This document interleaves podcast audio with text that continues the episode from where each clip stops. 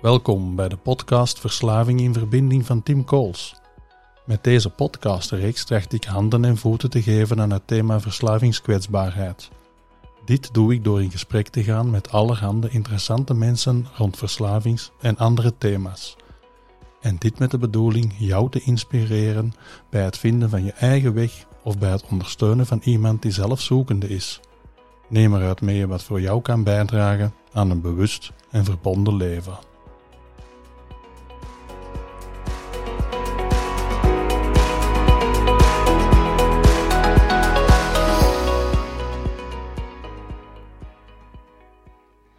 Goedemorgen, Paul. Goedemorgen. Fijn dat ik hier bij jou aan de keukentafel mag zitten. Wel, het genoegen is volkomen aan mijn kant. Dank u. Je bent welkom. Ja, fijn. Dat voel ik al in het voorgaande gesprek dat we net gehad hebben. En we gaan het hebben over verslaving. Want als er nu één iemand is die hier zinnige dingen gaat over kunnen zeggen, dan ben jij dat wel, denk ik. Wel, uh, er zijn er meerdere hoor, maar ik apprecieer dat ik beluisterd word. Ja, ja, wel ja. Ik ga een aantal vragen stellen en we gaan daar rustig een babbel over hebben. Want je hebt een heel interessant boek geschreven, Het gekaapte brein, daar gaan we het straks over hebben. Mm -hmm. Maar eerst wil ik graag even horen, ja, wat wil je over jezelf vertellen en jouw relatie met het thema verslaving? Wel, uh, ik uh, ben daarin getuimeld, uh, toevallig schijnbaar, want misschien zijn er toch wel elementen die, die daartoe bijgedragen hebben. Maar ja, afgestudeerd klinisch psycholoog in de jaren uh, 70. Uh, ik had stage gedaan in Nederland in een therapeutische gemeenschap, maar niet voor verslaafden. De viersprong. Ja. Persoonlijkheidsproblematiek. Dus maar TG, dat kende ik al een beetje. En nadat ik dan sta geen stage, maar uh, burgerdienst had gedaan in het JAK van Leuven, kwam ik dus op de arbeidsmarkt en uh, zocht ik werk. Ja. Ik heb, een, uh, ik heb zelfs nog in de kliniek van Geel gesolliciteerd, maar okay. daar heb ik het niet gehaald. Ja, ik zal ze eens aanspreken.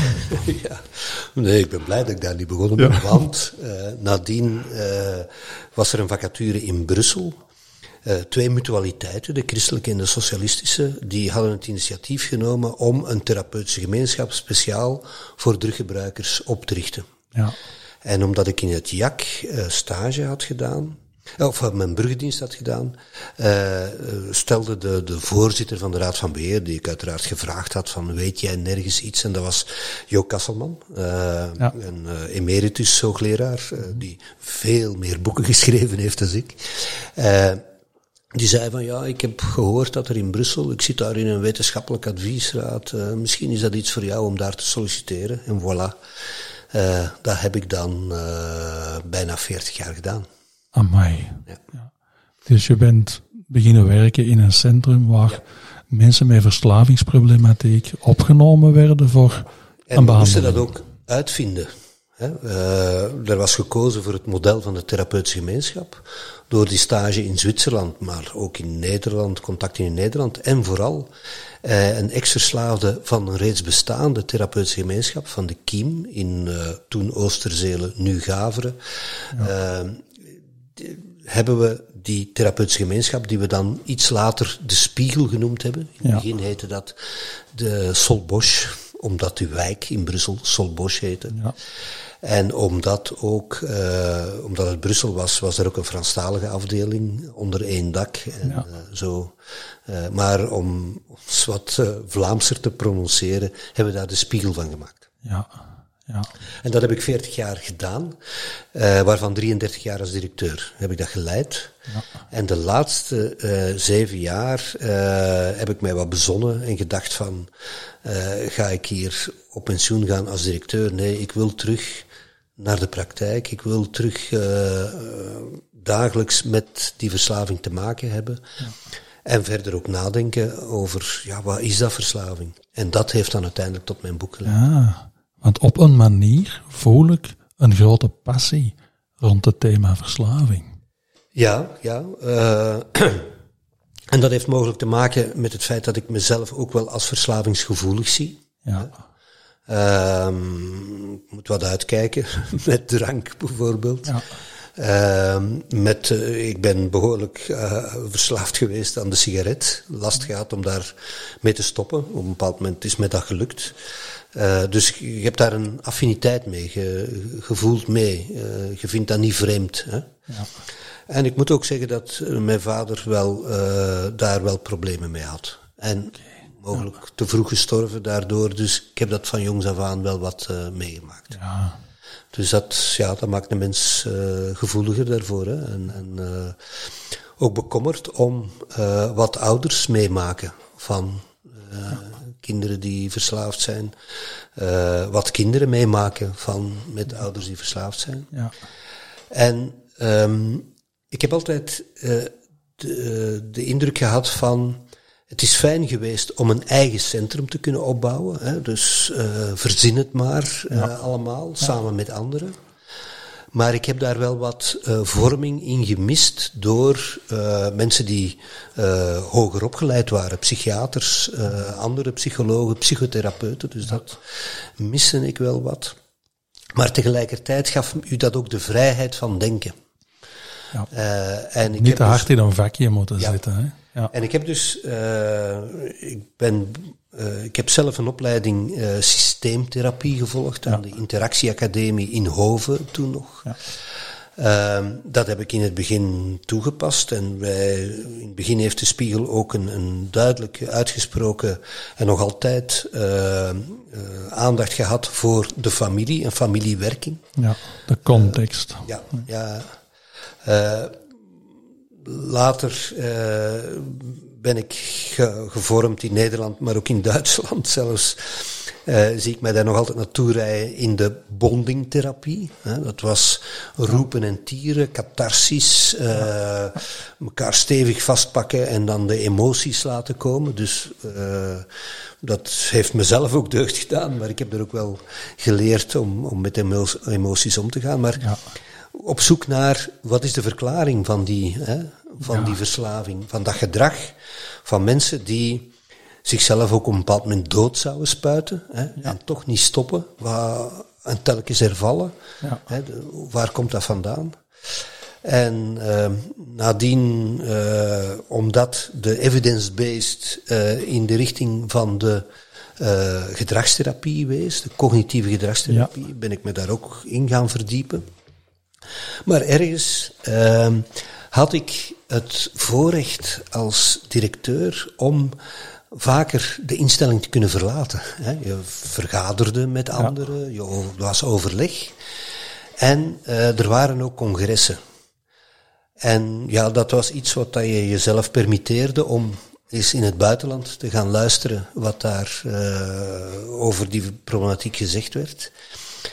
Um, en dat ging vooral vanaf de jaren 2000. Uh, eh, ik herinner mij nog het congres in San Francisco, het Wereldcongres van de Therapeutische Gemeenschappen. Ja. En uh, dat ging voor een groot stuk over neurobiologie. Ja.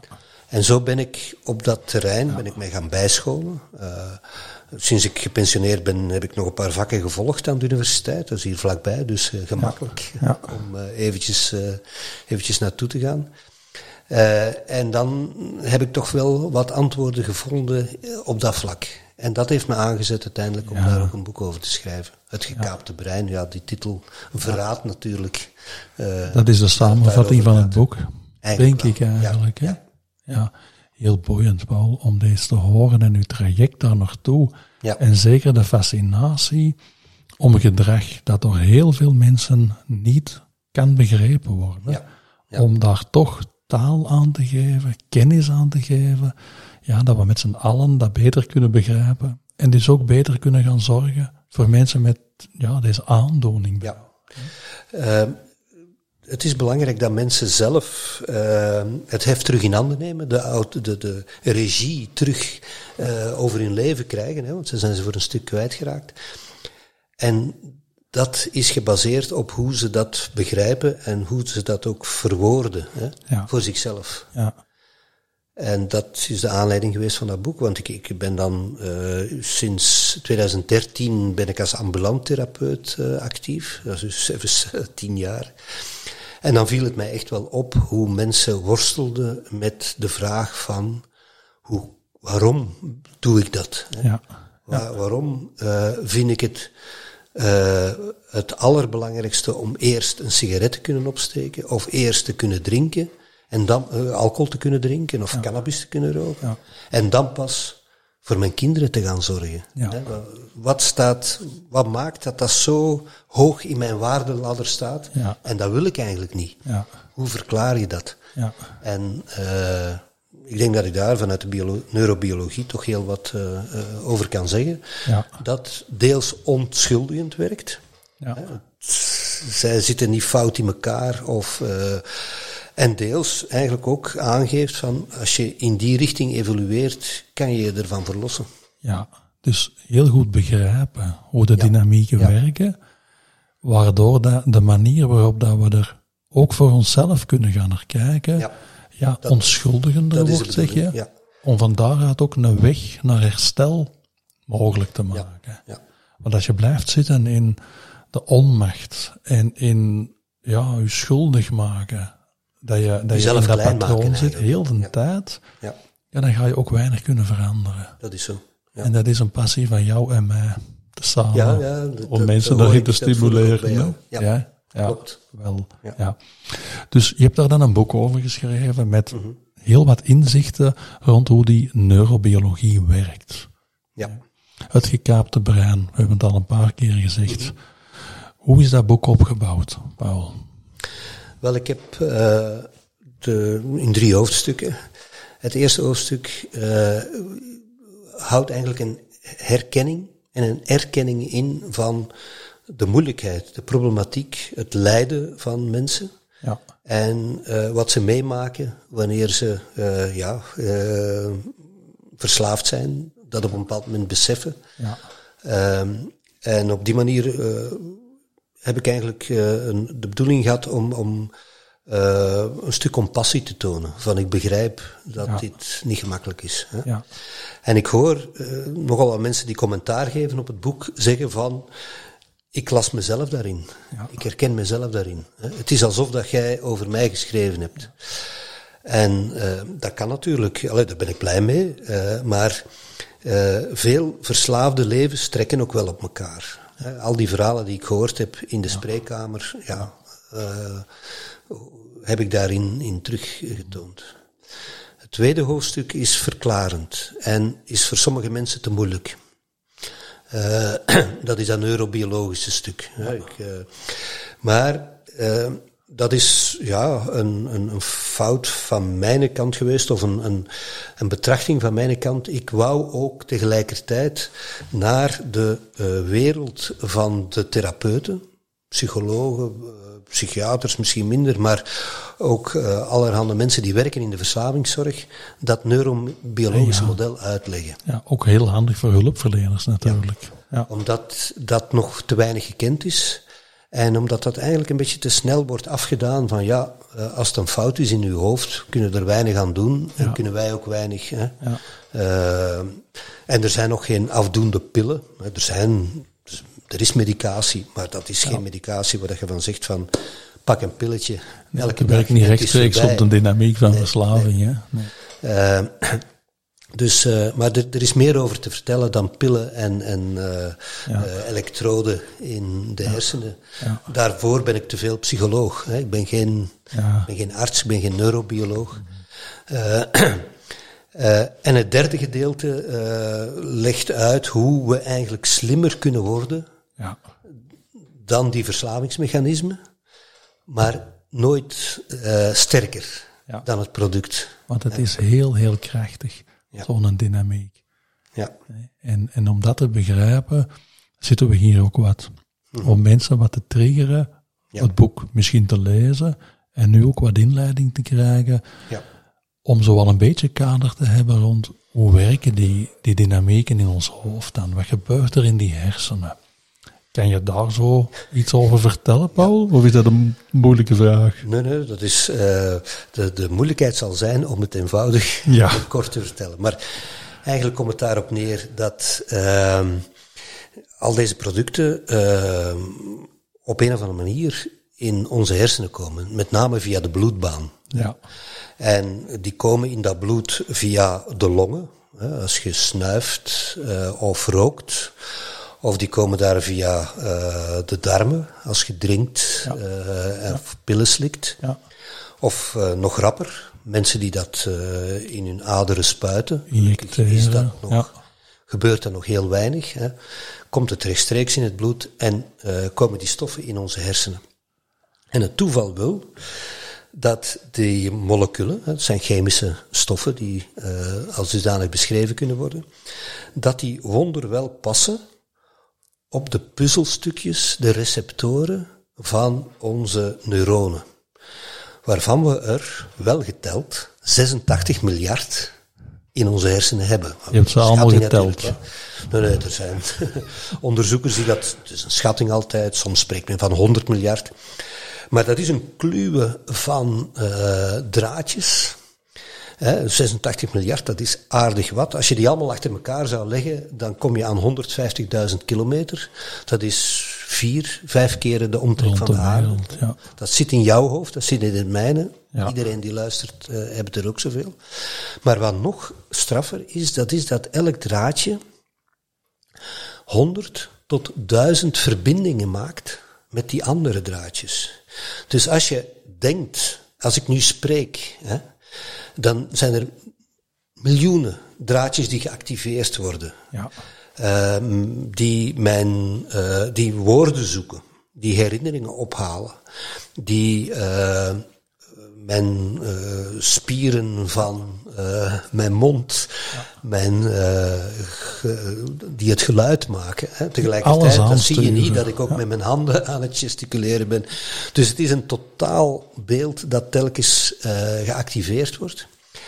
En wat nog straffer is, dat is dat als er iets blijft hangen van wat ik hier vertel, uh, dan is dat omdat er fysieke veranderingen zijn, omdat er in jouw hoofd, in jullie hoofden, kleine dingetjes veranderen, die terug geactiveerd kunnen worden bij de herinnering aan uh, wat er blijft hangen. Waardoor dat baantje, die ja. verbinding, opnieuw ja. bekrachtigd wordt of aangelegd wordt. Ja, juist, ja. Uh, het zijn dikwijls meerdere baantjes. Het is nooit één, uh, één draadje, maar het zou kunnen.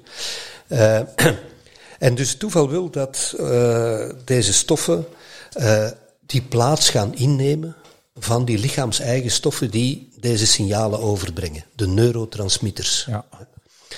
En dat heeft voor gevolg dat, uh, wij, dat die stoffen eigenlijk uh, tussenkomen in de normale hersenfuncties. En wat zijn de hersenfuncties? Wel, dat is u bezighouden met de wereld rondom. Kijken, luisteren, voelen, ervaren. Met de bedoeling om die wereld te gebruiken om te overleven te veranderen eigenlijk. Hè? Als jij uh, voedsel, uh, een appel schilt, dan verandert die een appel, want je gaat die opeten en want je hebt die calorieën nodig om ja. te overleven. Ja. Daarop zijn wij gespitst. Wij zijn voortdurend met die wereld rondom ons bezig. En die wereld bestaat eigenlijk uit twee belangrijke onderdelen. De fysieke wereld, voedsel, veiligheid, warmte, koude, uh, gevaar, wagens nu. Hè. Ja. En de andere wereld, dat, zijn die, dat, zijn, uh, dat is een wereld die heel sterk op onszelf trekt. De mensen om ons heen. Ja. Die zijn heel belangrijk voor ons om te overleven. Als kind, als babytje uh, ja. is dat duidelijk. Maar ook als volwassen man of vrouw hebben wij anderen nodig. Ja. Verbinding. Uh, maar tegelijkertijd zijn zij uh, doen zij ons overleven, hebben we ze nodig.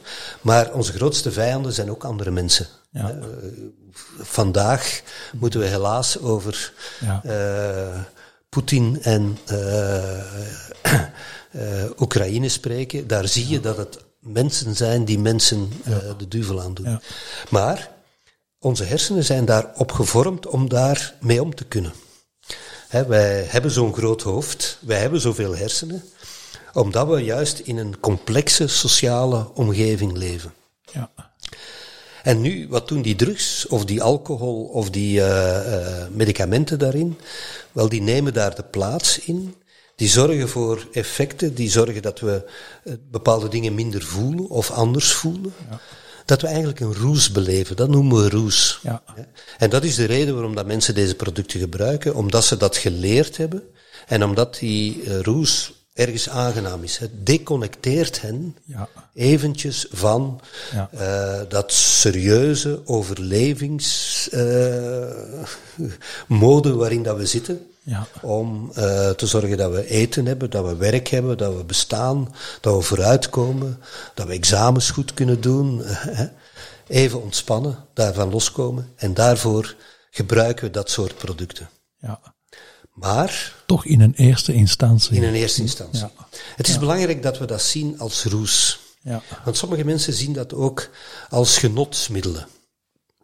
Maar zoveel genot is daar niet altijd bij. Hè. Dat is een, een verkeerde titel. Of hoe de roes als genot vertaald wordt in het niet connecteren. Of even, ja. Dat, is dat is ook geniet. Dat kan ook genieten zijn, maar dat is niet altijd zo. Maar er, soms, er is nog een derde eh, eh, bestemming eh, van dat middelengebruik en dat is medicinaal. Ja. En veel mensen met een verslaving, want daar moeten we uiteindelijk toe komen om over verslaving iets te vertellen, gebruiken dat medicinaal. Gebruiken dat omdat ze dat nodig hebben. Omdat dat iets oplost, omdat dat iets verandert. Ja. En dan, als je een goed medicijn gevonden hebt, ga je dat vaker gebruiken. En daar zit de eh clue in. Als je die dingen te vaak, te frequent gebruikt, dan veranderen jouw hersenen in die zin dat ze zich daaraan aanpassen. En gedrag dat je vaak doet, ga je automatisch doen, ga je vanzelf doen, ga je belangrijker vinden. Ja. En eh, daardoor ga je te vaak deze producten gebruiken. En dat is een risico voor verslaving. En dan wordt er dus een bedrading aangelegd Ja. die altijd bekrachtigd wordt. Ja. Dus een dikkere draad, om het zo te Ja, zeggen. of meerdere draden Meerdere die draden. tegelijkertijd. eh, Ik geef daarbij het voorbeeld van Nina Derwaal, de eh turnkampioene die op de brug met ongelijke leggers Olympisch goud haalt. Ja, die is daar op haar vijf jaar mee begonnen, heb ik ergens gelezen. En die doet dat dagelijks. Die oefent die spieren, Ja. hè, waardoor ze dit feilloos kan staan zwieren van de ene legger op de andere en toch op haar twee voetjes recht kan neerkomen. Dat komt omdat die bedrading eh, zo eh feilloos geworden is, zo gegroeid is in de richting van de juiste bewegingen, de juiste spanning in de spieren Ja. eh, en ook de juiste gedachten hebben om het goed te doen. Ja. En dat gebeurt ook als je vaak drinkt, vaak rookt, vaak drugs, drugs gebruikt, wordt dat een vanzelfsprekendheid, wordt dat zo gemakkelijk dat je er niet meer bij stilstaat. ja. En je zegt vanzelfsprekend, dat klinkt ook als automatisch. Ja, Ja, dat is een van die dingen die je ook aanhaalt. Hoe dat neurologisch automatische processen Ja. actief worden. En dat mensen niet meer verstaan van waaruit dat gedrag dan komt. ja. En dat is belangrijk omdat de beleving van de mensen is dat ze daar zelf voor kiezen. Ja, Eh, ze kiezen er ergens voor, maar tegelijkertijd overkomt het hen ook. Het gaat sneller, het ehm, eh, gaat automatischer. Eh, je moet eens, een voorbeeld daarvan, je moet eens kijken. Hè. Stel dat je, daarom hoef je geen verslaafde te zijn, maar kijk eens naar je drinkgedrag. Of kijk eens naar je rookgedrag, of dat van, van mensen die bij jou. Ze roken altijd op hetzelfde moment. ja, Ze hebben daar een vast ritueel voor. Eh, dat is bij iedereen wat verschillend, maar veel mensen eh, beginnen voor hun, dag, hun werkdag begint, steken ze al iets op. Eh, terwijl ze staan te wachten op de bus bijvoorbeeld. Hè. Of eh, tijdens rookpauzes steken ze. Of na het eten. Ja. Of als de dag voorbij is. Of voor een vergadering of na een vergadering. Ja. Hè, moeilijke momenten. Dus vaste momenten, daaraan zie je dat automatisme. Die vaste scenario's waarin mensen zitten. En misschien als ze daarop gaan letten, dat ze daar los van kunnen komen. Dat ze kunnen denken van, ja, normaal zou ik nu een sigaret opsteken, maar Ja. ik ga het eens laten. Het hoeft er mij niet. En Dus door bewust te worden van de patronen, de processen die ons gedrag aansturen, van automatisme terug een bijna herconditionering Ja, gaan maken. ja, Hè? ja. Ja. Dat is een belangrijk. Ook eh, wat mensen dan denken. Eh, hè, daar kunnen ze ook op letten. Ze denken altijd hetzelfde Ja. daar rond. Hè. Ik noem dat toestemminggevende gedachten. Ik kan niet koken zonder Ja. een wijntje erbij. Ja, eh, hè, ik, het, het, eh, ik moet toch een wijnfles open doen straks als we het eten Ja. gaan opeten. Ja. Ik kan daar nu al mee beginnen. Hè, dat, eh, een aperitiefje. Of nog, het is toch weer een zware dag geweest. Ik heb het verdiend. Ik ga mezelf belonen. Dat, zoiets. Hè. Dat zeggen mensen tegen, elkaar, tegen zichzelf. Maar dat zeggen ze vaak pas wanneer de fles al bijna open is. dus die toestemminggevende gedachten zijn een goedkeuring achteraf voor wat men ja. eh, doet. Hè. Onze handelingen zijn dikwijls sneller dan onze gedachten. Dat leert in neurobiologie Ja. eh, mij ook. Hè. Ja. Dus eh, in de cognitieve gedragstherapie werkt men daar ook op. Hè. Ja. Men gaat op zoek naar de cognities, de gedachten, de verklaringen die mensen voor zichzelf hanteren om eh, zichzelf toe te staan om dat weer te doen. Ja. En die, men helpt mensen dan daar kritisch naar te kijken van, is dat wel zo? Hè? Ja. Ehm, is dat wel zo ontspannend? Is dat wel, eh, doet mij dat zo'n deugd? Hè? Eh, misschien één glaasje wel, maar moet ik er daarom vijf drinken? Ja, Ja. Dat, dus dat, die kennis uit de neurobiologie eh, heeft al een toepassing nog voor, hè, dat, dat, die, die, die eh, cognitieve gedragstherapie dateert van de jaren 60, 50, 60. Ja. Eh, die neurobiologie is pas in de jaren 90, eh, 2000 Ja. tot volle ontwikkeling gekomen. Ja, ja. Ja, hoe, hoe mensen ja, het bewustzijn daarin verliezen. Ja. En altijd opnieuw in hetzelfde komen. En ook in hun denkprocessen Ja. hetzelfde altijd bevestigd weten. Hè, Ja. Zeg je. Ja. En dan in therapie, in gesprek, in opname, bewust worden van hoe dat systeem in hun hersenen werkt. Zo gewoon er al eens bij stilstaan helpt al veel. Hè? En dus een, een zelfhulpgroep waar anderen eh, dit meegemaakt hebben, of eh, in begeleiding gaan bij een coach, een therapeut, eh, ook een ex-verslaafde, Ja. soms helpt om daar terug vat op te krijgen als men daar stil bij staat. Ja. Want er is eigenlijk meer. die, ik heb gezegd, ik heb verteld over eh, dat deze stoffen in onze hersenen terechtkomen. Eh, die komen in alle huidhoeken, want waar overal komt bloed, is bloed nodig om eh, energie aan te leveren en afvalstoffen af te voeren. Maar, en daar hebben ze, bezetten ze receptoren die eigenlijk de hersenen gewoon doen functioneren. En die behinderen die, waardoor we in een roes terechtkomen.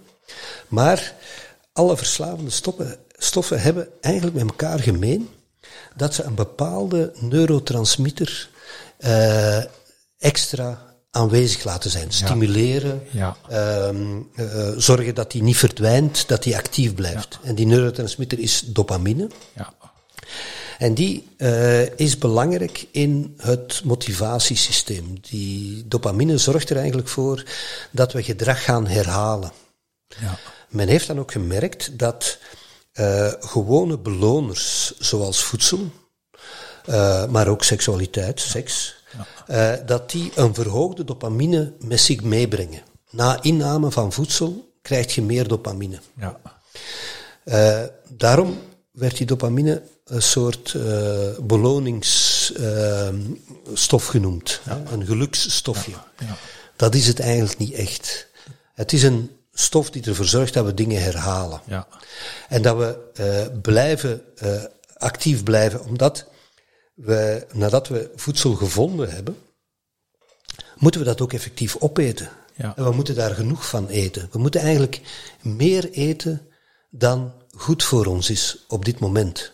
En dat is een evolutionair gegeven uit de tijd, en dat is nog niet zo lang geleden, dat er voedselschaarste was. Ja. En voedselonzekerheid. Ja. En dat, daar zorgt dopamine voor dat we bij die, eh, als we signalen van beschikbaarheid zien, Ja. dat we daarvoor gaan. Om te overleven. hebben Om te overleven. Het is eigenlijk een Echt in een overlevingssysteem van ons brein. Het is een evolutionair systeem. Dat heb ik nog niet in mijn boek beschreven. Ja. Eh, maar, eh, Misschien een volgende boek. wel, dat is een mogelijkheid, ja. niet makkelijk hoor, boeken schrijven. Dat geloof ik. Maar eh, het, eh, onze hersenen eh, bestaan niet op zich. Hè. Onze, ons brein eh, zit niet eh, in zichzelf gekeerd. Ons brein is voortdurend met de omgeving bezig en reageert dus op beschikbaarheid van die stoffen. Hè. We zien dat overal. Als je chocola in huis hebt, dan is dat rap op. Zal voor veel mensen herkenbaar zijn. Ja. Als je sigaretten op zak hebt, heb je er rap eentje genomen. Als je drank in huis hebt, eh, doe je rap een flesje open Ja. en eh, drink je dat. Als je mensen ontmoet die cocaïne gebruiken, je ziet dat dan aan hen, hè, dan krijg je ook erg veel goesting. Ja. Ja. En het is die, die band tussen de signalen van beschikbaarheid en de reactie erop, eh, dat, van, van je hersenen, van je verlangen. Ja. In die zin is het een gekaapt brein, maar eerder een gekaapt verlangen. Ja. Ja. En je ziet dus dat mensen met een verslaving vooral naar die producten verlangen. En dat verlangen is belangrijker dan het verlangen dat ze hebben om eh, hun kinderen goed op te voeden, eh, een goede partner te zijn. Ja. eh. en je ziet dan ook dat het verlangen in andere zaken afneemt. Ook dat daar is een neurobiologische verklaring voor van receptoren die eh pruning noemt dat, receptoren die verminderen, eh dopamine-receptoren, om terug een evenwicht te, eh, te herstellen. Maar dat is neurobiologie. Ja. Wat verslaafden gemeen hebben, dat is dat ze bronnen van plezier, van interesses, vroeger, hè, eh, sport soms, literatuur, eh, muziek, eh, vrienden, dat dat allemaal stilletjes verdwijnt en dat er maar één ding overblijft. Ik moet kunnen drinken vandaag. En als ik gedronken heb, oké, dan kan mij niks nog overkomen. En er altijd vanuit die dopamine, als er beschikbaarheid is, altijd meer Ja, moet genomen worden. En dat zie je bij heel veel verslavingsprocessen. Ja. Hè, alcohol, ook heel uitgesproken bij cocaïne. Ja. Ik kan het niet hebben liggen, Tim. Als, ik, als het er is, dan Ja. moet het op. ja? Ja. ja. Dat is. Mensen nemen dat niet terug mee naar huis. om dan nog de rest op te. Het komt ook voor, maar er is een sterke drang om, eh, als het er is. Maar dat betekent tegelijkertijd dat verslaving niet iets is dat alleen in ons hoofd zit, hè? Maar dat zit in de interactie tussen eh, wat in uw hoofd opgebouwd is door die herhaalde innames, maar interactie met wat er in de buitenwereld ligt. Dus als je er kan voor zorgen dat het niet beschikbaar is of minder beschikbaar is, dan wordt die band losser en losser. Dan kan je Ja. ervan weggroeien. Ja, dan kan je dus herconditioneren. Ja. Door ander gedrag te stellen, Ja. Kun je je hersenen terug Ja. anders opvoeden en andere bedradingen aanleggen. Dat zeg je, hè? Ja. Maar het gaat niet weg. Hè? Zoals dat je iets wat je aangeleerd hebt nooit afleert. Ja. Als je kan fietsen, ook al doe je dat 50 jaar niet, je kan terug op een fiets gaan zitten. Dat zal niet zo gemakkelijk gaan, maar het zal vlotter terugkeren dan En het blijft ergens aanwezig. eh. En bij dopaminegevoelig gedrag helemaal, denk ik. Omdat dat dan nog die impulsen extra geeft, waarbij met de fietsrijden misschien nog iets anders is. Dat zou kunnen, ja. Ja, het uh, dopaminerge systeem uh, hebben wij dagelijks nodig om uh, ja. ja. onze verlangens, al was het maar een verlangen om te gaan eten of voor een tas koffie, om dat ja. levendig te houden. Dus dat, die dopamine gaat niet weg. Die vermindert wel met ouder te worden. Uh, ah, ja. ja. de verlangen naar uh, bijvoorbeeld uh, fantastische dingen doen, verre reizen maken, veel nieuwe dingen doen, dat vermindert wel ja. met, met, ouder te worden.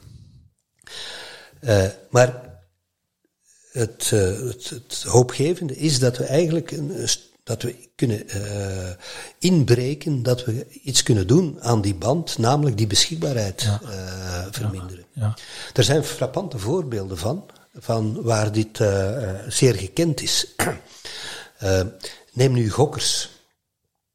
online gokken, casino gokken. Al lang bestaat het systeem om u te laten blokkeren. Ja. Zodat je dat niet meer kunt. Hè. het crux uh, nee, dat is Nederland, is Crux. In België is het EPIS, geloof ik. In België is het EPIS-systeem. Uh, waar je dus op een lijst kan zetten. Ja. En dan, uh, ja, je moet een account ergens aanmaken. En dan, en dan totaal geen toegang meer. Dan heb je geen toegang ja. meer. En heel wat gokkers weten dat. en hebben zichzelf daarop gezet.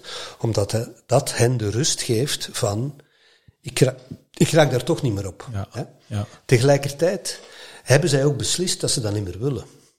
Want gokken kan je altijd. Ja. Uh, gaan naar het buitenland, uh, illegaal. Maar als ze uh, die gewoonte doorbroken hebben, geeft dat hen rust en kunnen ze zich bezighouden met andere zaken. Kunnen ze terug hun verlangen naar andere boeiende zaken stimuleren. Terug opbouwen. Ja. Wat traag gaat, ja. denk ik. Maar dat is wel de weg. Ja. Een ander voorbeeld is de antabuse. Ja. Dat is iets wat uh, mensen met een alcoholverslaving kennen. Uh, heel wat mensen in zelfhulpgroepen AA uh, eh, stimuleren het gebruik van antabus. Ja. Ook mensen die in een kliniek opgenomen zijn, komen dikwijls buiten met een voorschrift van ja. neem antabus. Ik ga even uitleggen voor de luisteraar. Wat het dat is. Antabuse is een middel, als we dat innemen, dat eigenlijk niks extra doet, maar dat pas begint te werken als we alcohol innemen. Dan worden we heel, heel ziek. Ja. Kan ook heel gevaarlijk zijn. Dus dat abus uh, zorgt ervoor dat een bepaalde stof, een afbraakstof van alcohol, niet geëvacueerd wordt uit het lichaam, maar in uw lichaam blijft en verantwoordelijk, en die stof is verantwoordelijk, acetyldehyde, uh, is verantwoordelijk voor uh, de zware kater, het rood worden, echt ziek gevoel, hè, bijna een, een gripsgevoel. En dat is dat ziekgevoel. En dat maakt dat mensen uh, echt bij alcohol voelen van, oh nee, daar begint dat, het, het, het, wordt onmogelijk. Er is een hindernis tussen hen en alcohol. Ja. Dat ziek worden hindert hen om alcohol te nemen. Ja. En ja, je ziet dus mensen die hindernissen opbouwen, waardoor ze die nog wel goesting kunnen hebben in dat product herinneringen van ja, dat was lekker, of dat zou deugd doen, uh, hier een glas wijn bij. Maar die goesting wordt geen drang niet meer, wordt geen hunkering. Ja. En dat uh, zorgt er, dat is het effect van uh, een hindernis opbouwen tussen, ja. het is niet meer beschikbaar, ja. en of de beschikbaarheid is Waardoor de drang vanuit dat dopamineproces dat je beschrijft, stilaan ook kan gaan afnemen. Want dan gaat het over craving. En dat is een hele belangrijke. Dat gaan veel mensen ook herkennen die in een verslavingsproces zitten, hoe, hoe heftig dat proces is. Ja, je kan uh, plots het gevoel hebben van hier moet ik het hebben. Ik moet iets drinken. Wel, dat krijg je als het beschikbaar is. Als het er niet is, krijg je dat niet. Maar als het beschikbaar is, daarom hoeft het niet in huis te zijn. Beschikbaar in, in het hoofd. In je hoofd. Ik kan naar de nachtwinkel. Voilà. En ik heb geld. Klopt. Uh, een, een, uh, een ander voorbeeld is uh, een cocaïne. Dat zijn dingen die ik van patiënten geleerd heb.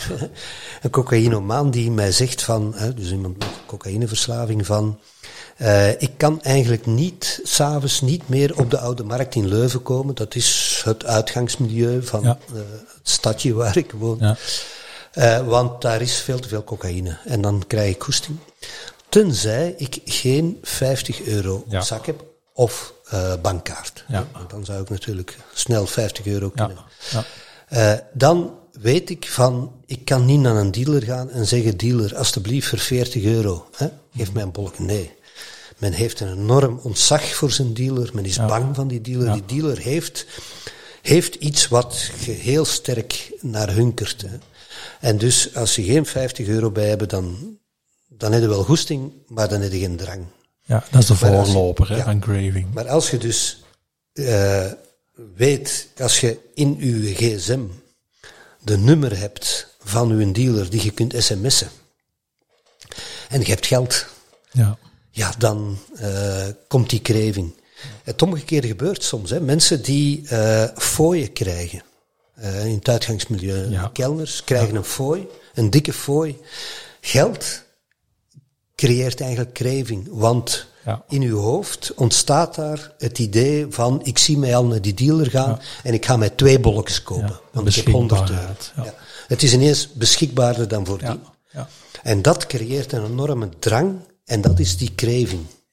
Dus dat, dat is, wordt, eh, daar zijn ook eh, verklaringen voor, insula, bepaalde hersendelen, eh, die ervoor zorgen dat je enorm angstig wordt, heel gestresseerd en er is maar één oplossing, gebruiken. En het, het grote ongeloof en de onmacht dat daar dikwijls aan gekoppeld is van, ik, ik kan het niet stoppen. Als, Ja. als die graving daar is, dan begin ik ook een hoop lichamelijke sensaties te voelen. Mijn hart begint sneller te kloppen, ik begin te zweten, een krop in de keel. En ik word bijna bang van mezelf, welke, dingen dat ik ga doen. En dan, dan lijkt, en dat is, dat is een heel paradoxaal systeem, hè, dat het gebruik Ja. net, net ervoor zorgt dat die graving weggaat, maar het altijd opnieuw stimuleert. Ja. Hè? Een Ja. mafiosi-systeem bijna. hè? Ja, ja. ja. Eh, en daar eh, heeft die neurobiologie ook een antwoord op. Eh, wat er centraal in jouw hoofd gebeurt, daar heb je geen vat op, daar heb je geen weet van. Dat gaat sneller dan jouw denken, hè, Ja. dan jouw besef. En dat legt eigenlijk uit waarom het voor mensen zo moeilijk is en waarom ze zich zo machteloos voelen. Want zij kunnen s ochtends aan de ontbijttafel tegen hun partner zeggen van vandaag ga ik niet drinken, ik blijf eraf, hè, Ja. ik beloof het. En dat menen ze, want Ja. dat willen ze ook Ja. zo. Ja. Maar ze beseffen niet dat als ze straks eh, door een collega uitgenodigd worden om even mee op café te gaan, dat het dan voor hen te moeilijk wordt om nee tegen te zeggen. En dat werpt ineens een heel andere blik op het thema motivatie. Ja, Hè, want dan hoor je mensen wel eens zeggen, hij is niet gemotiveerd of zij wil het niet. En dan wordt dat heel hard ja, naar karakter, naar discipline. En oké, het zijn dingen die meespelen om naar herstel te gaan. Ja. Maar er zitten heel wat andere dingen. Die motivatie die gaat heel hard op en af heel de tijd. En het pijnlijke is dan ook van zien dat we dikwijls hervallen. Dat mensen ook bijna niet meer gaan geloven. Dat ze nog kunnen uitspreken van ik ga vandaag proberen niet te drinken. ja. En dat maakt het ook zo pijnlijk. Ja, je ziet dus heel wat mensen in begeleiding komen, omdat ze bijna gedwongen worden, omdat ze weer eens hervallen zijn, omdat ze weer eh, te veel eh, gebruikt hebben. Maar ze geloven eigenlijk niet dat dat gaat helpen. Ja. Dus het eerste wat je moet doen is ja, een band maken en toch ergens hoop creëren. Ja. En dat kan wanneer je mensen kan uitleggen wat ze meemaken. En dat Ja. haal ik uit mijn boek of heb ik daarin geschreven. Ja. Waardoor ze zeggen van, tja, ja, eh, inderdaad, dat gebeurt. Hè. Dat wist ik niet dat dat daar mee te maken had. Eh, en eh, wanneer ze via kleine stapjes kunnen ervaren dat ze daar toch wel invloed op hebben. Want ze komen binnen met het idee van, ik heb daar geen vat op. Ja.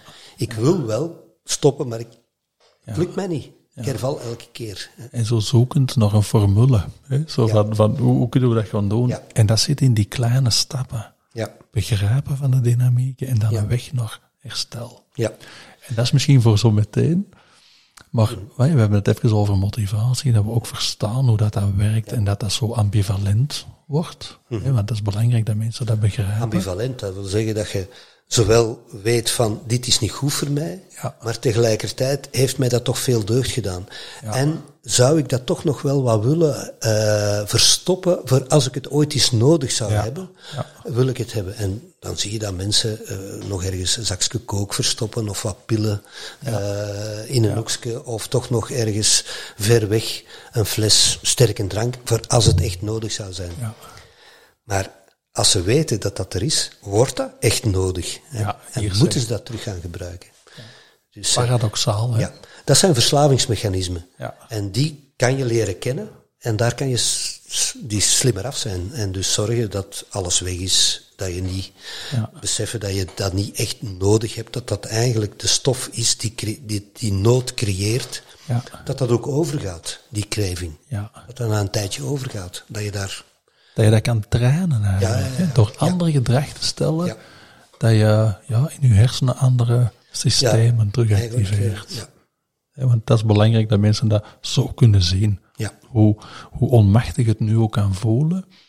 Dat, en ik, ik noem dat soms zo, zeker als het over alcohol gaat, de hersenen moeten een periode uitcijpelen van alcohol. Vooraleer de Dat is cognitie. een mooie, dat is een mooie Ja, metafoor, een mooi ja, hoe, beeld. hoe die eh, hersenen echt uit een bak met alcohol ja, gehaald ja. worden en letterlijk uitcijpelen, waardoor de hersenen zich kunnen herstellen en andere denkpatronen, waar motivatie ook stabieler kan in worden. Ja. Maar dat kan je niet zien zolang die hersenen in die alcohol eigenlijk liggen. Nog Of in die kook of in... Voortdurend eigenlijk op zoek zijn naar waar kan ik hier... eh, Ja. ja. Wel, want we beschrijven het heel mooi, hè? maar niet iedereen is gevoelig om verslaving te ontwikkelen, denk ik. Ja en nee. Ehm, het is effectief zo dat, er, eh, dat we allemaal genetisch verschillend zijn en dat er genetische elementen meespelen in een grotere verslavingsgevoeligheid. Het is niet zo dat er één gen is dat alles verklaart. Ja. Het is een samenspel van heel veel verschillende genen die er bijvoorbeeld voor zorgen dat sommige mensen niet snel dronken worden. Anderen wel. Hè? En als je niet snel dronken wordt, dan kan je veel drinken. En als je veel drinkt en vaak drinkt, dan word je makkelijker verslaafd. Ja. Er zijn ook mensen die niet rap een kater krijgen. Ja. die kunnen ook vaker drinken. hè. Ja. Dus dat eh, speelt mee. Dus er zit een genetische, maar alles is genetisch. Hoe groot dat je bent, of je haar hebt of niet, Ja. Dat heb je geërfd van eh, ook zo die gevoeligheid. Maar ook de beschermende factoren. Belangrijk is ook naar beschermende factoren in Ja. de genetica te krijgen. Ja. Mensen die bijvoorbeeld erg gecontroleerd zijn. Die zeggen bij het drinken van eh, een, een, een glas bier van oh nee, die alcohol, dat doet raar in mijn hoofd. Eh, eentje is genoeg. En ik, als ik het kan mijden, mijd ik het. Die gaan ook niet beginnen roken, die gaan ook geen cocaïne gebruiken, geen heroïne. Die blijven eraf. Dat zijn beschermende factoren. En dat zie je ook genetisch terugkeren. Inderdaad. Het is in ieder geval zo dat, al is er een genetische factor, het betekent nooit dat je beschermd bent. Dat je kan zeggen van, in mijn familie zit er geen verslaving, ik kan drinken Ja. zoveel als ik wil. Nee. Als je veel en vaak drinkt, riskeer je dat, er, dat, het, dat je het moeilijk krijgt om eh ermee te stoppen. Dat je dus in min of meerdere mate toch ook wel een verslaving Ja. eh, kan ervaren. Maar een genetische kwetsbaarheid voor verslaving Mhm. zien we ook wel ja, Frequenter. frequent in familiecontexten zo. Ja, ja, ja. Net zoals ja, andere genetische kwetsbaarheden ook over families, Ja. waar niemand iets kan ontdoen. Ja, het belangrijke daar is dat je daar, je kan je genetica niet veranderen, maar je kan wel eh, daar rekening mee houden. En dan zie je dat mensen zeggen van ja, ik ben verslavingsgevoelig, want ehm, ik eh, moet opletten dat ik niet te vaak of te veel drink. Eh, maar gokken, daar moet ik ook niet mee beginnen. Want daar weet ik van dat ik daar ook mij makkelijk zou laten meeslepen in het gedacht van ik zal hier wel het groot lot winnen. Ja. Of ik moet ook uitkijken dat ik, eh, ja, geen, eh, met cocaïne moet ik, eh, moet ik ook vanaf blijven. Of ik moet zorgen dat ik niet overschakel naar een ander product dat, ik, dat ik zou gaan gebruiken. Ja. En dus is het begrijpelijk dat mensen die komen consulteren met een verslaving aan één product, dat je moet navragen of er ook geen andere producten zijn. Of andere gedragingen die, waar ze in over, zouden kunnen overdrijven of in vluchten als ze het ene zouden stopzetten. Ja, ja, ja. Want als we het dan over kwetsbaarheid hebben naar verslaving, zijn er dan ook periodes in het leven waar die kwetsbaarheid zich sneller zou kunnen ontwikkelen? Stel nu de puberteit. Ja, ja. Uh, wat dat betreft zeggen we, uh, uh, zijn er studies die bevestigen dat hoe jonger dat je begint met die producten te nemen, ja. hoe harder je er verslaafd aan kan raken later. Ja. Ook al ben je een tijd gestopt, als je dan terug begint, dat zit in die hardware, in die bedrading, ja. wordt die drank heel snel terug herkend en heel snel terug geapprecieerd. En, en omdat uh, tot je 25 jaar zijn je hersenen nog in uitbouw. Je hersenen veranderen voortdurend. Hè. De mijne ook nog, gelukkig. uh, omdat ik ze actief hou. Ja. Uh, maar op jeugdige leeftijd worden er essentiële banen nog aangelegd. En voornamelijk de prefrontale cortex, wat Ja. een mooi woord is om het controlecentrum Ja. vooraan in je, eh, achter je, je neus, boven je neus eigenlijk, in je voorhoofd. Eh, wat gedragscontrole eh, Ja. versterkt, dat groeit bij jonge mensen nog. En je ziet dus dat tieners, maar ook adolescenten, twintigers, Ja. domme dingen kunnen doen, impulsief van alles kunnen doen Ja. omdat dat nog in uitbouw is. En je ziet bijvoorbeeld in Nederland en in Scandinavië dat de rechter daar ook rekening mee houdt. Bij ons ben je volwassen op je 18 en word je als volwassen gestraft. Ja, ja. Punt. In Nederland houdt men rekening dat beneden de 25 mensen toch voor bepaalde dingen iets minder verantwoordelijk zijn en iets meer ondersteuning nodig hebben dan bestraffing. En dat we dus ontvankelijker zijn voor risicogedrag. Ja.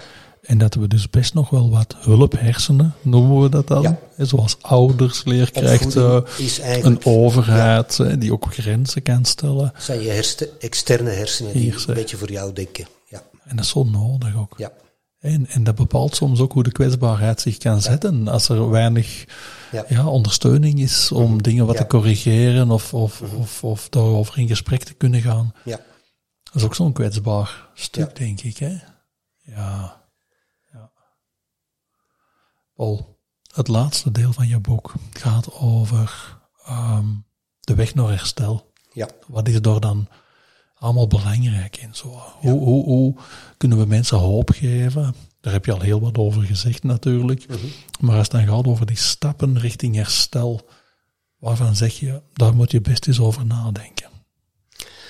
Wel, eh, wanneer je, ehm, je. Soms speelt een verslaving over jaren. Hè? Ehm, men heeft ooit eens onderzoek gedaan bij eh, mensen met een alcoholprobleem. Dat is zeer aanvaard in de samenleving, alcohol. Dus mensen met een alcoholprobleem kunnen er jaren, gemiddeld 36 jaar, zei dat onderzoek, over doen vooraleer ze eh, hulp gaan zoeken. Hè. Een gemiddelde, dat kan ook 72 jaar zijn, het dubbele dat men erover doet. Hè. Maar als mensen zo lang onder het juk van een dwingende verslaving hebben geleefd, eerst eh, mijn pintje en dan al de rest. Eerst mijn sigaret. Eerst eh, zorgen dat ik mijn pillen vind en mijn, of mijn drugs. En dan komt de rest eh, nadien. Dan wordt jouw kompas van je verlangen eigenlijk gedomineerd door die producten. Die domme chemische verbindingen. Dan wordt het moeilijk als dat wegvalt om te weten wat moet ik nu kiezen, wat is nu belangrijk voor mij. Ja. En eh, dat is wat mensen in herstel eigenlijk moeten doen. En dat doen ze vaak in groep, samen met anderen die ook eh, goed weten dat hun kompas van hun verlangen heel snel kan veranderen. Ja. Je ziet soms mensen eh, die stuurloos worden, ene keer dat ze gestopt zijn met gebruik. En daar moeten ze fel op letten om dat terug in te vullen met wat vind ik belangrijk, Wat, wil ik doen in mijn ik? leven. Ja. Eh, duidelijke keuzes maken. Ik kies om die dingen niet te doen. Wat niet goed voor mij is, dat doe ik niet meer. Wat goed voor mij is, dat doe ik wel. Ja. Eh, heel duidelijk eh, bewust bezig zijn. En je ziet dan dikwijls bij mensen met de ex-verslaafden, dat die veel bewuster in het leven staan dan mensen die Ja. geen problemen hebben gehad Ja. en een, eh, ja, een lekker leven hebben geleid. Ja. En die blijven beseffen dat de kwetsbaarheid er is. Dat die, En dat ze dus altijd ja, vanuit een bewustzijn moeten blijven kijken naar dingen. Dus dat, dat dat niet weggaat, dat dat milder wordt, Ja, maar dat het bewustzijn actief moet blijven. ja. Want voordat we het weten, staat de fles terug voor ons. Ja, omdat die geheugensporen heel snel eh, terug dat gevoel kunnen geven van, ah, dat heb ik nu nodig. Ze. En, eh, en zo van die eh toestemminggevende gedachten van, ja, eentje kan geen kwaad. Of, ik heb kunnen stoppen, dus ik kan u teruggebruiken. Ik weet hoe dat ik moet stoppen. Ja, En dan zie je mensen terug heel snel in die verslaving gaan. Maar het, het is belangrijk dat mensen eh, beseffen dat, eh, hoe bevrijdend het is om niet meer te moeten drinken, om niet meer te moeten roken, om niet meer te moeten eh, snuiven. ja, En dat ze veel meer plezier beleven aan andere zaken dan aan achter die dwingende producten aan. ja. Paul, we zijn een klein uur aan het praten. En ik heb de indruk dat we, nog, ja. dat we nog heel veel kunnen vertellen. Maar misschien is het een idee om stilaan af te ronden. Mhm. Zijn er nog dingen waarvan je zegt, dat moet ik zeker nog meegeven? Wel, ehm, het helpt altijd om een gevleugeld woord of een gevleugelde zin te onthouden. Je kan slimmer worden dan de verslavingsmechanismen, en dat is de weg die je moet volgen. Maar je wordt nooit sterker dan het product. Dus denken dat je straks terug wel kan gebruiken en dat onder controle gaat hebben, dat eh, zal niet lukken. Eh, je moet daar afstand van nemen wanneer je een bepaalde grens, een verslavingsgrens overschreden hebt. Klopt. Ja, Mensen die dat nog niet overschreden hebben, kunnen wel leren om, om heel bewust met die producten om te gaan. En dat dus eh, niet vaak en niet veel te gebruiken. Want Ja. in de frequentie zit eigenlijk de neurobiologische eh, neerslag die je eh, afhankelijk maakt. Als je iets frequent gebruikt, ga je dit moeilijker kunnen lossen. ja. Ik hoor vooral het laatste uur heel veel hoop, heel veel Ja. kracht, heel veel kansen op invloed op iets complex, maar dat het kan en dat u daar getuige van bent en ik zelf ook in mijn werk. Wij zien in ons werk dat mensen eh, eruit kunnen groeien. Hè? Ja, Niet altijd zo gemakkelijk, maar eh, kan. ja, ja, En die boodschap willen wij finaal heel duidelijk uitspreken. Samen met de fantastische quote waar dat je mee geëindigd bent. blijf er niet mee zitten met die verslaving, maar praat erover en zoek hulp. Ja. Ik wil jou heel hard danken. Graag gedaan. Bedankt dat je mij de kans gegeven hebt.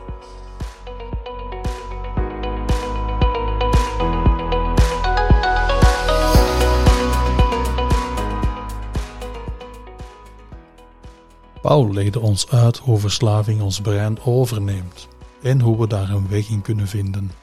Ik onthoud vooral van automatisch naar bewustzijn, doe iets met de beschikbaarheid, craving is heftig maar wordt milder en dat er dus een weg is uit verslaving. Wil je dit allemaal nog beter begrijpen, dan raad ik je aan het boek Het gekaapte brein van Paul van Deun te lezen. Als jij na het luisteren van deze podcast zelf ideeën hebt die kunnen bijdragen aan deze reeks, dan kan je me mailen op verslavinginverbinding.telenet.be. En zo gaan we samen naar betere zorg voor mensen die worstelen met verslavingskwetsbaarheid.